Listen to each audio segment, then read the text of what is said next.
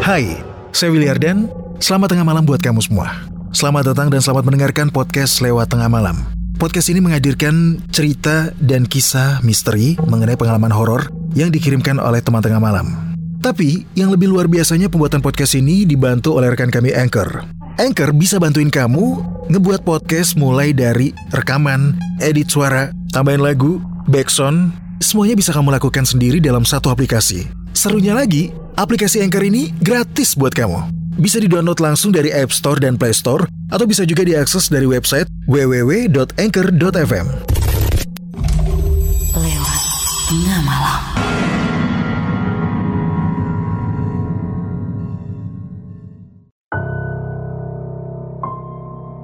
Selamat tengah malam, kamu lagi mendengarkan podcast lewat tengah malam bersama saya Willy Ardan. Maria, seorang cewek yang dianugerahi kelebihan indera keenam. Dia terbiasa melihat dan juga merasakan keberadaan sosok astral di dekatnya. Salah satu pengalamannya adalah pertemuannya dengan Mbak Sri, si penunggu pohon coklat yang usil. Konon dulunya, sosok astral ini dijadikan tumbal di zaman penjajahan Belanda. Nah, teman tengah malam simak pengalaman mistis Maria saat berkomunikasi dengan sosok astral penunggu pohon coklat di rumahnya hanya di episode 142 Mbak Sri.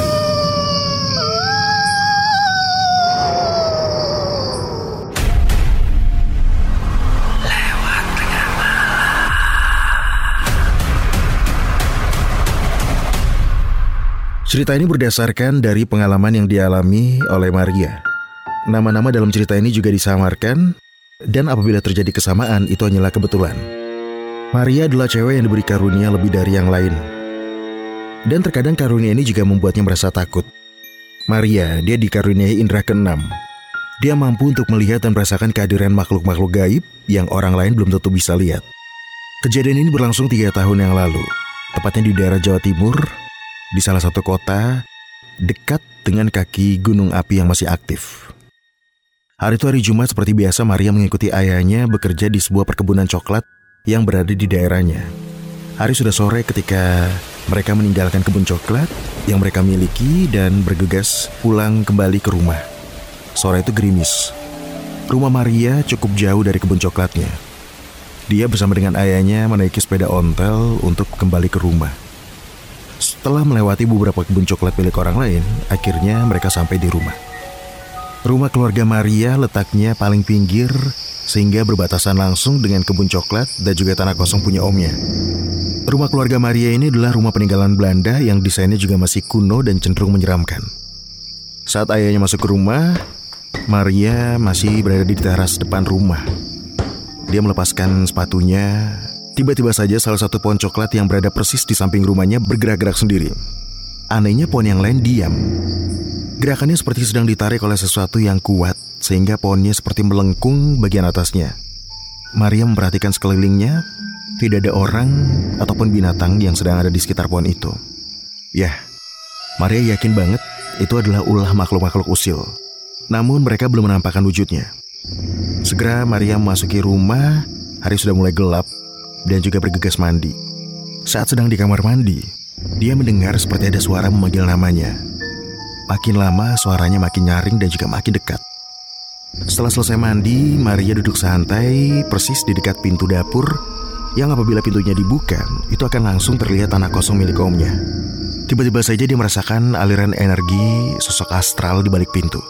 Sosok astral yang rupanya mendiami salah satu pohon coklat di halaman rumahnya.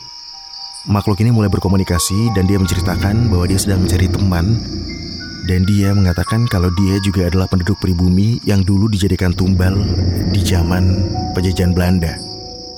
Maria kemudian menanyakan kenapa dia dijadikan tumbal.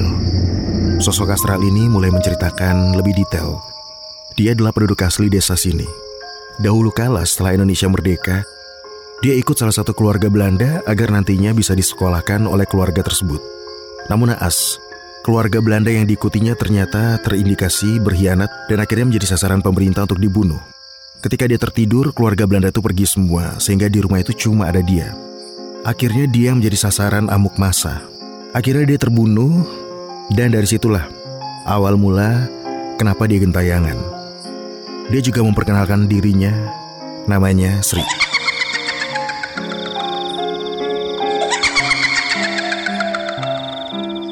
Sejak saat itu Maria tidak lagi diganggu Sri. Malah kadang-kadang Sri mengingatkan Maria untuk segera masuk ke rumah ketika maghrib agar tidak diganggu teman-teman sebangsanya yang lain. Karena menurut Sri, saat maghrib, saat di mana kaumnya bebas berkeliaran. Buat teman tengah malam yang punya pengalaman horor, biar cerita kamu bisa muncul di podcast lewat tengah malam, kirim cerita kamu lewat email di willyardan13 at gmail.com.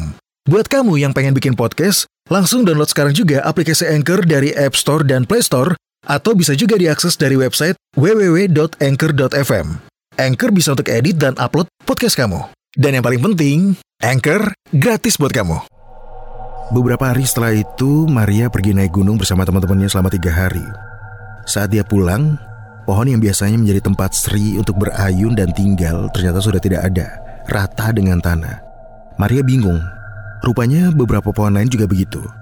Ternyata omnya si pemilik tanah yang sengaja memotongnya untuk dijual. Sri kemudian berkomunikasi dengan Maria. Dia marah karena tempatnya tinggal dihancurkan. Maria menceritakan dan mencoba untuk menenangkan Sri kalau itu bukan sepenuhnya kesalahannya. Dan hal itu terjadi tanpa sepengetahuannya. Jadi, sama sekali tidak ada hubungannya dengan Maria. Sri mendadak menghilang pergi. Setelah itu, Maria tidak pernah melihat dia muncul lagi, dan dua minggu berselang, dia kembali muncul. Kali ini dia ada di pohon melinjo di ujung gang masuk rumah. Kemudian Maria bertanya ke mana dia selama ini. Sri menjelaskan kalau dia mencari tempat baru. Dan dia sudah mendapatkan rumah baru, persis berada di rumah temannya. Jadi rupanya selama dua minggu ini, Sri mengikuti ke mana pun Maria pergi. Sampai akhirnya dia menemukan rumah yang dirasa cocok yaitu rumah temannya. Maria cuma bilang semoga kamu kerasan di rumah barumu. Tiga minggu setelah Mbak Sri penunggu pohon coklat itu berpindah, Maria melewati depan rumah temannya itu. Saat itu, Maria melihat Sri sedang menyisir rambutnya yang menjuntai panjang di atas pohon mangga tepat di depan rumah temannya. Tiba-tiba Mbak Sri turun dari pohon mangga itu dan merayap seperti cicak, tapi kepalanya masih membelakangi. Dan dia kembali mendekat ke dahan yang lebih kecil, semakin dekat dengan Maria, tepat di atasnya Maria. Lalu dia memutar lehernya 360 derajat dan terlihatlah wajahnya yang selama ini selalu ditutupi dengan rambutnya. Wajahnya rusak, lebih tepatnya membusuk. Maria mencoba untuk tenang. Mbak Sri memperlihatkan sisirnya dan ada beberapa bagian yang sudah rusak atau patah. Dia meminta sisir baru kepada Maria. Tapi Maria menjawab, Pergi sana, aku gak punya sisir. Tiba-tiba saja Mbak Sri tertawa cekikikan sambil melotot, memandang ke arah Maria. Maria segera pergi dan dia mengayuh sepedanya tanpa menghiraukan lagi. Rupanya Mbak Sri masih mengikutinya dan masih menempel di boncengan sepedanya, sambil tertawa sesekali. Sesampainya di tikungan desa, Maria berpapasan dengan om temannya. Dia adalah seorang paranormal di desanya. Dia menyuruh Maria berhenti dan menyuruh Mbak Sri pergi. Seketika itu juga Mbak Sri pergi dan berpindah ke pohon angka yang letaknya tepat di ujung tikungan jalan. Dia marah karena telah diusir oleh om temannya Maria. Rupanya sampai di rumah, omnya menjelaskan alasan kenapa pohon coklat itu ditebang karena omnya mendapatkan gangguan dari sosok astral yang menghuni pohon coklat itu. Itulah alasannya kenapa omnya Maria menyuruh anak buahnya untuk memotong pohon coklat itu. Ternyata beberapa warga desa diganggu oleh sosok Mbak Sri. Karena sejak Mbak Sri diusir oleh omnya temannya, Mbak Sri sekarang berada di pohon nangka tepat di tikungan desa. Dan karena kesilannya Mbak Sri, ada yang pernah dikerjain sampai nyemplung dan juga jatuh ke sawah. Dan ketika ditanya, warga itu katanya melihat jalan lurus. Ternyata tiba-tiba udah nyemplung. Ada juga tukang bakso yang lari meninggalkan gerobaknya ketika menjajankan baksonya melewati tikungan itu. Katanya dia melihat ada perempuan menyisir rambutnya sambil cekikikan di atas pohon angka. Ada juga beberapa anak kecil kencing di bawah pohon itu dan keesokan harinya langsung demam. Setelah beberapa kejadian itu, warga meminta agar paranormal atau orang pintar yang ada di desanya untuk segera mengusir atau memindahkan Mbak Sri ke tempat lain karena sudah sangat mengganggu warga sekitar. Sejak saat itu, Maria tidak pernah lagi berpapasan atau melihat Mbak Sri. Hingga suatu hari, dia dan temannya sedang memanen coklat di kebun ayahnya. Ketika asik memanen coklat, tidak terasa hari hampir maghrib. Namun Maria masih asik melanjutkan memanen karena tinggal sedikit lagi. Tiba-tiba tercium aroma khas Mbak Sri, bau bunga melati dan terdengar suara seperti orang sedang menyisir rambut. Kemudian Maria melihat ke salah satu pohon coklat yang bergerak. Dan di atasnya dia melihat Mbak Sri sedang duduk sambil menyisir rambut. Kok belum pulang anak kesayangan? Sudah maghrib loh. Maria menjawab, tanggung. Tinggal sedikit lagi nih. Makanya jangan diganggu, ntar nggak selesai-selesai. Lalu Mbak Sri merayap ke atas pohon yang lain. Sebelum pergi, dia mengingatkan Maria, jangan lama-lama. Udah mau maghrib, aku mau ke tikungan dulu. Mau ganggu orang yang keluyuran saat maghrib.